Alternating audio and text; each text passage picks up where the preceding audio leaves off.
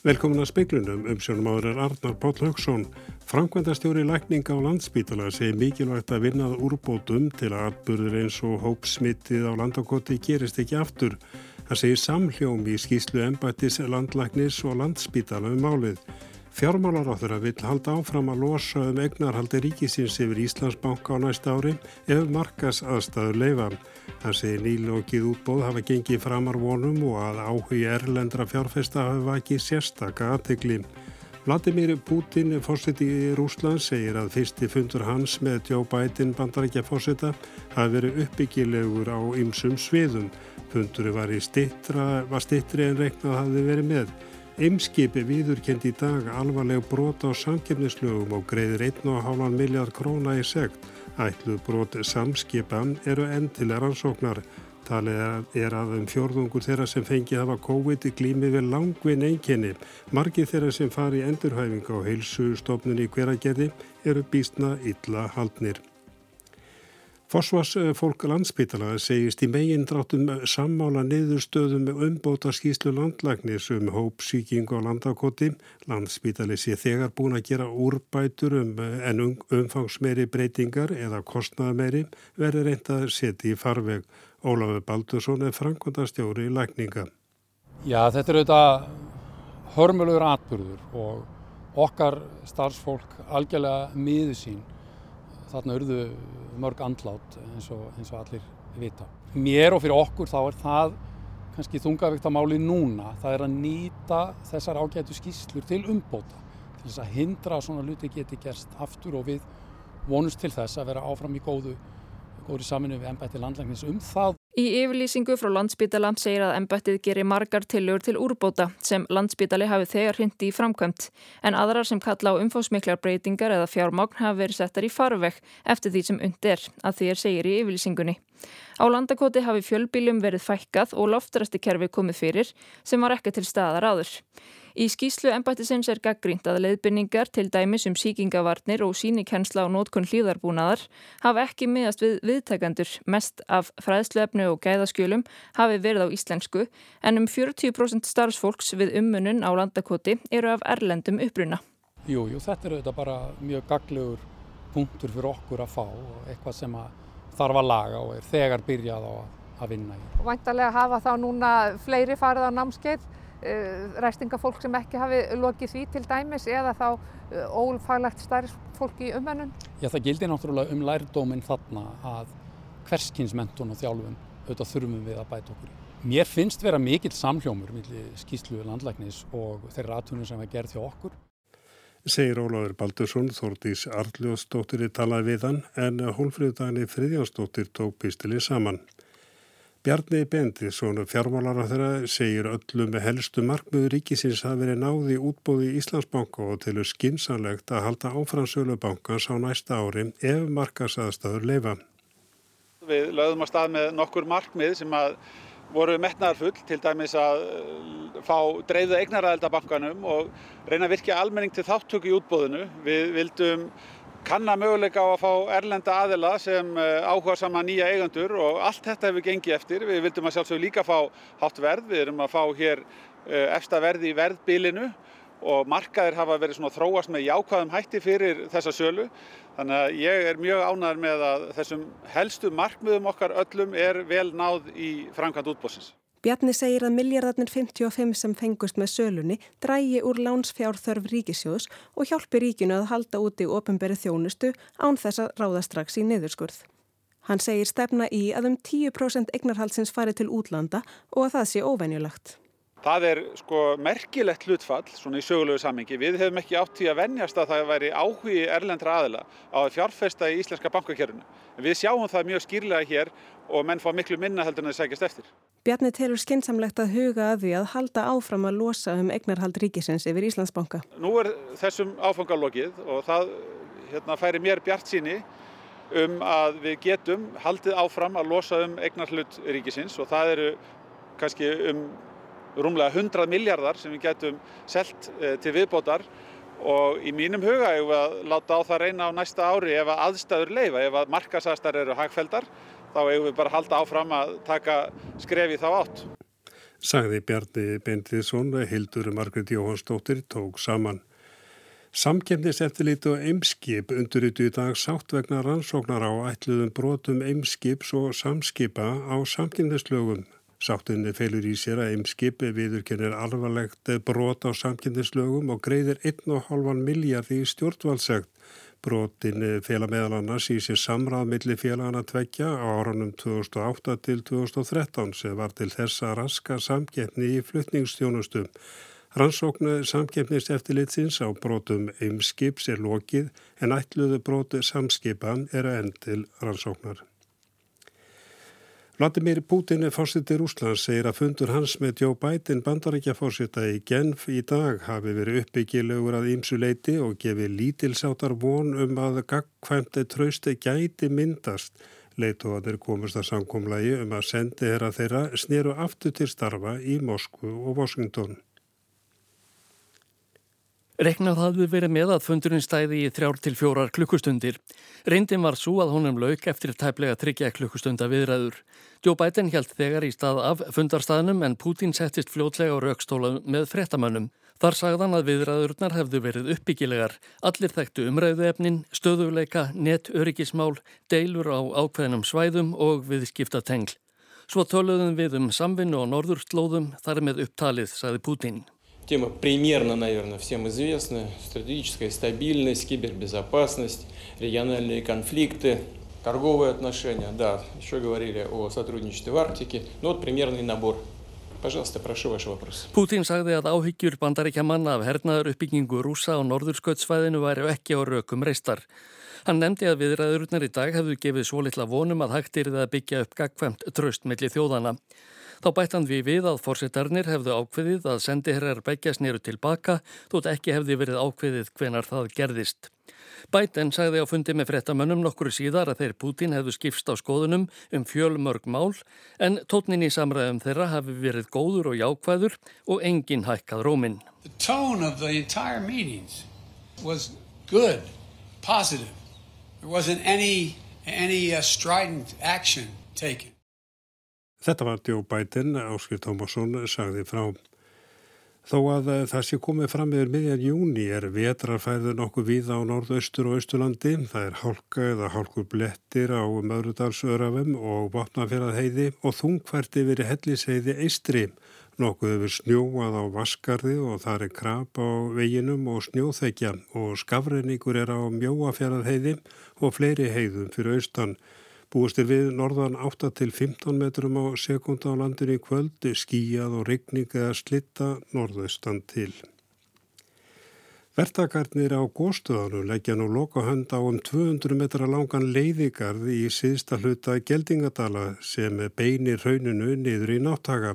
Raun var nærri runniði við garðin í gæri, segir Jón Haugur Steingrímsson, jarðverkfræðingur hjá verkfræðistofunu Eblu mjög stórt eh, hérna og, og mikið áhlöp í hrauninu hérna niður og þá fór að týnast yfir þetta en við náðum sérst að, að komast í vefn og grípa það og koma þessu svona í bara réttan farveg í raun og veru. Hefði þessi spýja sem fór að ná ykkur farið bara niður hæðina eða? Já, já, já, já. Hún hefði bara farið beint niður. Þá hefði hún endað í náttagakríka sem er einmitt verið að reyna að forðast. Þaðan er opið svæði í norður, vestur og suður. Garðurinn er uppa á brúninu við endagjaldingadala og gerður að fyrirskipun almannavarna. Já, þetta er svona 200 metrar á lenginu og þetta er svona virkhæð á þessu er svona eitthvað um fjóri metrar og, og svona raunmegin er þetta svona bilinu 2 og 3 metrar sem þetta yfir þessu raunni sem að sem við fengum á okkur en síðan annars staðar svona 34 svona það sem ekkert hefur runnið á það. Saði Jón Haugur Stengriðsson, Ólfríður Dagni Fríðjónsdóttir, talaði við hann. Eður Smáru Guðjónsson aðstóða þjálfari Karlalisi Íslands í fótbolta er farin í tímabundi leifi frá störfum frá KSI en snýr aftur af fullum krafti í verkefni hausins. Þetta kemur fram í tilkynningu sem knastbyrnusambandið sendi frá sér í dag. Staða Eðis hefur verið til skoðunar eftir að myndband af honum í annarlegu ástandi fór í dreifingu í síðustu vikum. Í tilkynningunni segir að Eður Smári hafi fengið skriflega áminningum, KSI lýsir við stuðningi við Eður Smára og þá ákvörðun hans að leita sér hjálpar.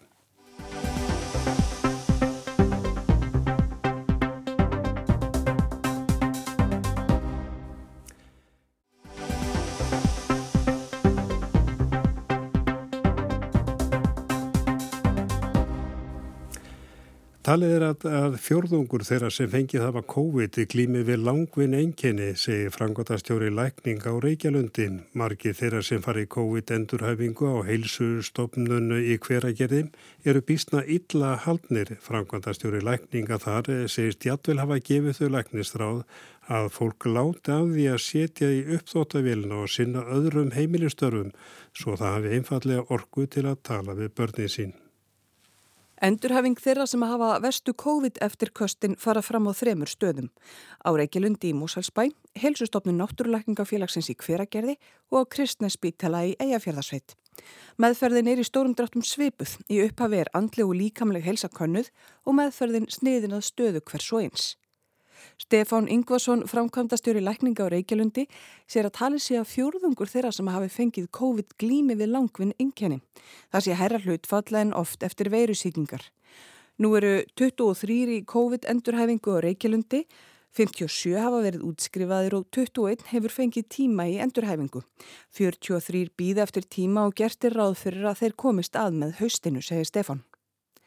Á Kristnesi hafa nokkrir þurft á endurhefingu að halda vegna langvinnara engina, segir Alice Harpa Björgvinsdóttir framkvæmdastjóri livlækningasviðs á sjúkrahúsinu og Akureyri. Þángað hafi ekki búrist margar beðinir um COVID-endurhefingu. Og heilsustofnun Náttúrulækningafélagsins er Birna Guðmundsdóttir framkvæmdastjóri lækninga. Hún segir að þar hafi um 30 manns lokið endurhefingu. Þetta byrjaði allt í haust. Á hverjum tíma hafa verið kannski 3-6 í svona post-covid endurhefingu, 3-6 hverju, í hverju mánuði og um, rúmlega 30 búnir, við fengið rúmlega cirka 50 beðinir. Við reynum að taka þetta fólk í svollum forgangi að mista kosti þá sem eru ítla haldnir.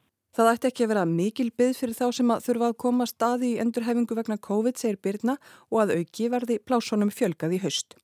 Hún telur árangur meðferðarinnar nokkuð góðan, heilsa fólks er metinn að nýju við útskrift og borin saman við niðurstöður frá upphafið meðferðar. Þannig að við erum með tölur um árangurinn og, og að flestir ná bísna góðum árangri en, en mismunandi vissulega. Og að minnstakosti að þá fær fólk ráðleggingar með sér hvernig þá að haga sér þegar það klárar hérna hjá okkur.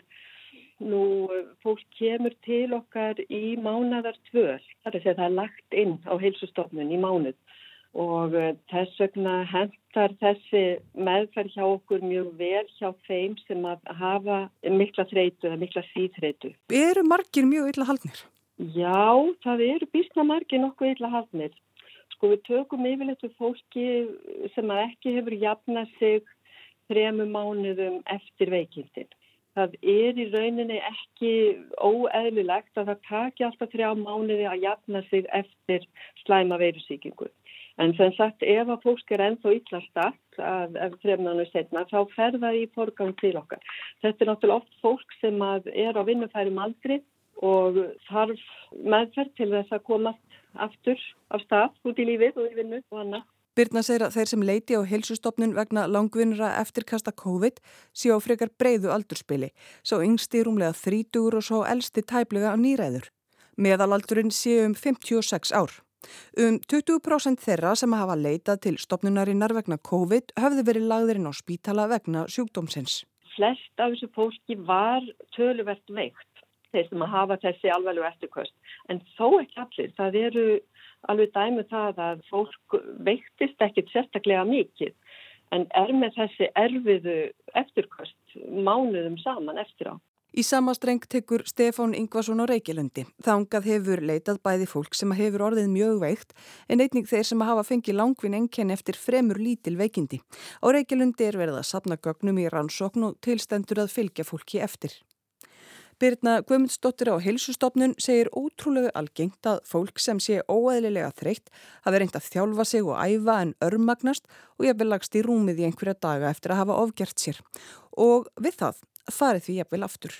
Og þess vegna er það svo mikilvægt að fá sérstaklega þetta duglega fólk sem er alltaf að reyna að já, koma sér í gang aftur og, og, og hérna, reyna að þá er svo mikilvægt að fá það í meðferðin fyrst til þess að kenna þeim hvernig þá að haga sér svo það sé ekki alltaf að klessa á vegg og jafnvel að eiga á hættu að fara aftur og um, með þetta fólk sem er yfirleitt með mismikla síþritu það er náttúrulega fólk með alls konar enkenni. Það er algengt að vera með hjarslaftatrublanir, margir með langvarandi mæði, tala um sviða í öndunafærum og svo þetta sem við hefum svo oft heist eins og með brenglun á, á bráð og líktaskinni.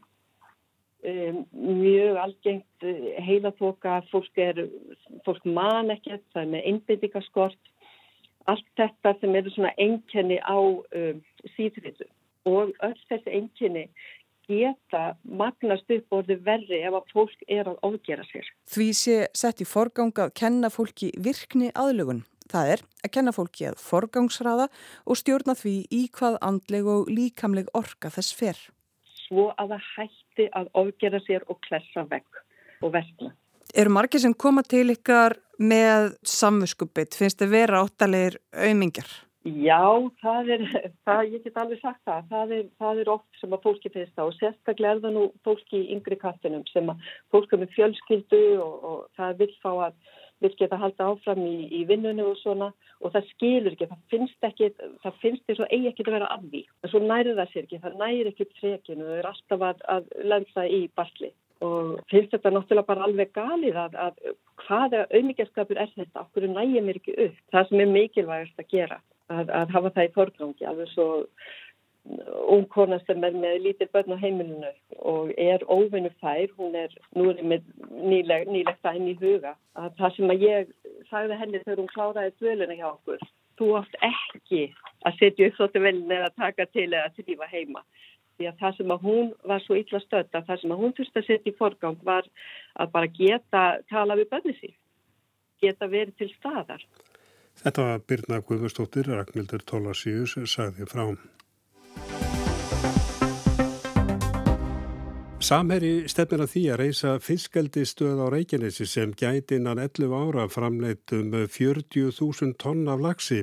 Fyrirverandi formaða landsambands fiskeldistöðva og framkvæmtastjóri Laxa fiskeldis segir að framlegsla í sjókvíeldi gæti á næstu tíu árum auðvellega farið í 2-300.000 tonn á ári.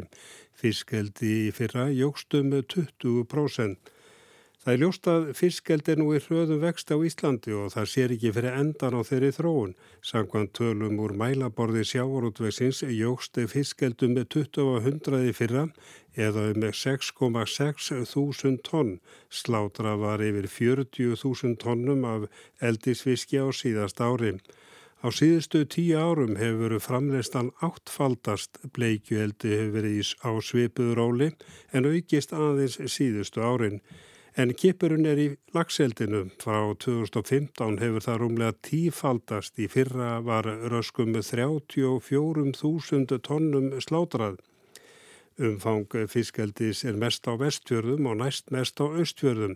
Fyrir vestan jógst eldið um með 40% í fyrra fór úr 16.000 tonnum 2019 í 22.500 tonn í fyrra.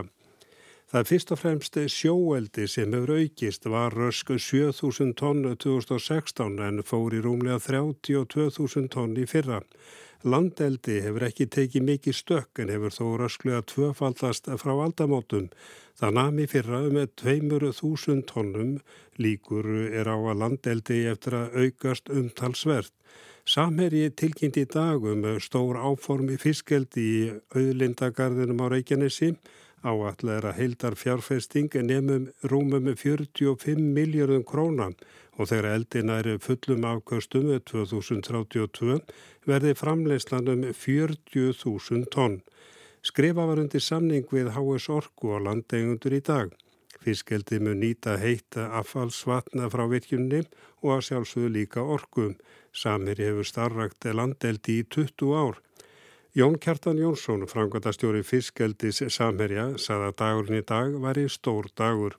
Þetta er risa dagur fyrir okkur sem eru búin að vinna í tiltöla langan tíma og að reyna að búa til viðskipta keis sem er að fara að blómstra, skiljið. Það er búið að vera að vinna í 20 ár, að reyna að læra og fá þetta að hanga saman og nú erum við þá að taka þetta skref og svona skref er ekki tekið nema tilkomi gríðalegt fjármagn og, og það er ekki margir að hérlendis að minnstakosti sem eru tilbúin að leggja fram í fyrsta áfanga 7,5 miljard í áhættu fyrir, við skulum hafa það líka alveg hreinu og svo þurfum við að fá annað eins að láni. Þannig að þetta er alveg risastórt og þegar þetta er farið að framlega þá ætlum við náttúrulega að selja afurðu fyrir 40 miljardar. En hver er skýringin á hinnum hraða vexti í fiskeldinu? Jens Garðar Helgarsson er stjórnarmadur í SFS og framkvæmdastjóri Laxa. Já, ég held að megin skýringin sé að því bara menn sáu tækiferinni því að, að byggja hér upp öflugu atvinnugrein og það er komin svona skýr, skýr lagaram í kringum greinina þannig að hún hefur rauninni verið að byggja sig upp í kringum, kringum það regluverk sem henni, henni eru settar núna á Íslandi og við sjáum bara þessu uppbyggingu bæði fyrir austan og vestan og, og, og, og mikla fjárfestingar sem eiga sér stað og það er bara frábært að fá þessa viðbót hér inn í atvinnulífið bæði austfjörðum og vestfjörðum sérstaklega. Sjókvíeldir er langstæðstil huttin af eh, fiskeldi núna en það er ekkur aukning í landeldi og ekki síst vegna tilkynninga samherja núna að eh, fara í 40.000 tonna framleyslu. Er eldið jæftilega að færast meir upp á land? Nei, í raunin ekki. Það sem er að gerast er að bara mennur að nýta þau tækifæri sem geta líka verið eins og sérstaklega á, á, á söðvesturhorninu í Ölfusi og Reykjanesinu að byggja upp landeldi þar Uh, síðan eru menn að, að nýta og grípa þau tækifæri sem eru sérstaklega í fjörðunum fyrir austan og vestan að vera með sjókvíaldi og þetta er rauninni bara það sem við eigum að vera að gera. Við erum að sjá tækifærin allstaðar og eitt út útlokar ekki annað og ég lít bara á þetta sem sem bara samhliða uppbyggingu í fiskaldi á Íslandi.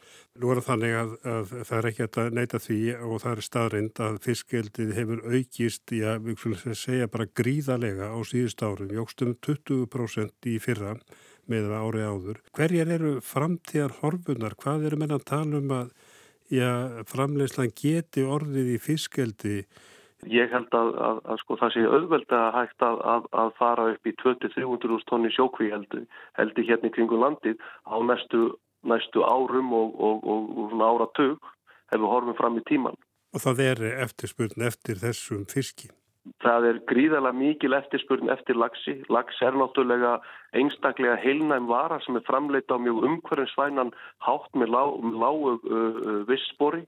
Þannig að þetta er einn vistvænasta og uh, matvælaframleysla í heiminum í dag.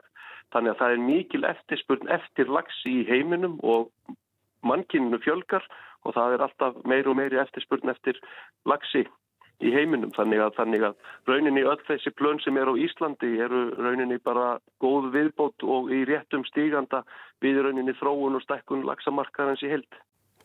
Þetta var Jens Garðar Helgarsson.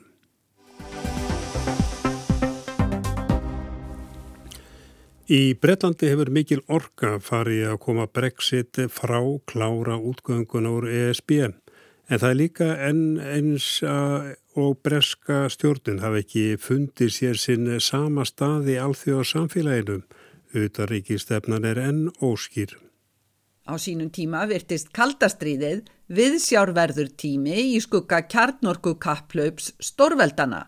Eftir á higgja var þessi tími þó að mörguleiti markaður skýrum dráttum og stöðuleika, þó frekar ógnarjapvægi en japvægi og yfirleitt ljóst hver var í liði með hverjum. Heimurinn hefur orðið floknari eftir fallmúrsins og sovjetríkjana, ekki einfaldari. Sambandi við Rúsland sem í fyrstu virtist stefna í áttameiri samvinnu við vestrið, orðið kaldara og Kína orðið meðvitaðra stórveldi ekki aðeins stort land. Þó afl og vald bandaríkjana sé ekki jafn óefað og á tímum kaldastriðsins, þá skiptir sambandið við bandaríkin máli eins og alltaf má heyra þegar bandaríkjaforsetar leggja landundir fót. Brettar glíma nú við að finna sér sinn samastað í tilverunni eftir breytinguna miklu sem er Brexit, breytingu sem Boris Johnson forsætsráður átti meiri þátt í en flestir aðrir að yrði að veruleika. Fyrir Brexit var stór liður í sambandi breyta við bandaríkin að breytar væri brúin yfir Allandshafið kæmu bandarískum boðskap til skila í Evrópu og öfugt. Nú er það hlutverk úr sögunni. Þá er spurning hvað er eftir í þessu sambandi sem breytar hafa gertnan kallað sérstakasambandið, hugtag sem Boris Johnson var áður ekki sérlega hrifin af. I don't mind the, the, the, the phrase special relationship, but because it is, it is special and there's uh, I, but it's you know it's a it encompasses a reality, which is that the, uh, the UK and the US have a a real congruence of views. Forsætsráð þeirra sagði eftir G7-fundin að nei, hann hefði ekkert á móti því að tala um sérstakar sambandi því það væri sérstakt. Spannaði þann raunveruleika að viðhorf Breitlands og Bandaríkjana færu saman. Á Evrópurreysu sinni hefur Joe Biden, bandaríkjaforsiti, haft gott tækifæri til að viðra heimsín sína. Fyrst í Breitlandi á G7-fundinum, svo leðtófundi NATO og leðtófundi ESB á leiðinni til Genfar að funda við Vladimir Putin, rúslandsforsetta. Í viðbót við bóðskapin að bandaríkinn síu aftur mætti leiks eftir rugglingslega stefnu forverans Donald Trumps er áhersla bætens á alþjóðasamstarf og gildi líðræðis hvort vekja undir þrýstingi and líðræðislegra abla og landa og þá um leið áhersla á vald lagan að það fari síðan lögum og reglum. Yfirlýstur tilgangur Brexit var meðal annars að auka vægi Breitlands á alþjóðavettongi. Fram að síðustu áramótum hefur stefnastjórnarnar þó oftar en ekki virst röð skamsýtna skrefa til að klára Brexit án sínilegrar yfirvegunar og langtímasjónarmiða eða virðingar fyrir lögum, reglum og samningum. Johnson fekk á sig hæstarétta dóm 2019 þegar hann rauf þing liður í Brexit vegferðinni Núna er það átökum framkvæmt útgöngusamninga við ESB snýst um landamæri Norður Írlands og varðar þar með Írland sem bæten lætur sér mjög andum verandi af írskum ættum. Aðrar breska ráðstafanir stjórnarinnar í utryggismálum er umdeildur niðurskurður þrónahjálpar sem bandaríkinn vilja heldur að aukist en mingi og Rísi Súnak fjármálaráð þeirra var varðla búin að samþykja nýjar skattareglur G7-landana þegar það fréttist að breytar vildurindar undanþáur fyrir breska fjármálageiran frá nýju reglunum. Allt eru þetta ráðstafanir sem mun ekki ebla til trú nýja húsbóndans í kvítahúsinu á að húsbóndin í dáningsstræti sé hotlur og tröstur bandamaður Ímsir reyndir breskir diplomatar hafa bent á undanfarið að breskastjórnin verði heldur var tekin alvarlega á alþjóðavettungi meðan hún á í erjum við ESB. Svo deila snýst einmitt um það sem bæten tekur alvarlega að standa við gerða samninga. Um tíma virtist sem Johnson myndi taka upp þráð forvera sinna í íhjálpsfloknum og styrkja sambandi við Kína. Að blaðmannu fundi eftir G7-fundin nefndi Johnson ekki álíktun fundarins varðandi Kína, álíktun sem kínveska stjórnin tók óstind upp. Framvindan hér óklár en í flokki Johnsons íhjálpsfloknum eru margir tortrygnir á nánara samband breyta við Kína. Joe Biden kunni ábyrrandi vel við sig innan um ESB-leðtóna á G7-fundinum og leðtófundinum í Brussel. Þar sæðan Evrópu eðlilegan bandamann. Löndin deildu líðræðslegum gildum sem ætti í vaksandi mæli undir högg að sækja. Europe is, uh, is uh, our, our natural partner. And the reason is we're committed to the same democratic and institutions. And, are, uh, and they are increasingly under attack. Forsætsráður að breyta hefur gertna verið fyrsti evróski leiðtógin til að vera bóðin í kvítahúsið eftir húsbóndaskipti þar. Fyrsti evróski leiðtógin að heimsækja Biden verður Angela Merkel, Þýskalandskanslari, nú síðar í sumar. Sigrun Davidsdóttir sagði frá á veðurspáin hljómar þannig að norðan 8 til 15 metrar á sekundi í kvöld, skíjað og rigning eða slitta á norðaustan til á landinu. Norrlæg eða breytilega átti 3-8 morgun, skíjað og smá skúrir á víð og dreif en rigningum tíma siðst, hiti 4-11 stig yfir daginn mildast söðvestalands. Og við sögum frá því speiklunum að Frankvöndastjóri lækninga á landsbítala segir mikilvægt að vinna úr úrbótum til að atbyrður eins og hópsmitið á landakoti gerist ekki aftur. Það segir samhljóm í skýslu ennbættis landlæknis og landsbítala um álið og fjármálaráþara vill halda áfram að losa um eignarhaldi ríkisins yfir Íslandsbankan á næsta ári ef markars aðstæður leifa. Hann segir nýlókið útbóð hafa gefið gengið framar vonum og að áhugi erlendra fjárfesta hafi vakið sérstaka aðteglin. En það er ekki fleira í speklunni kvöld, tæknimar var Markus Hjaldarsson verið sæl.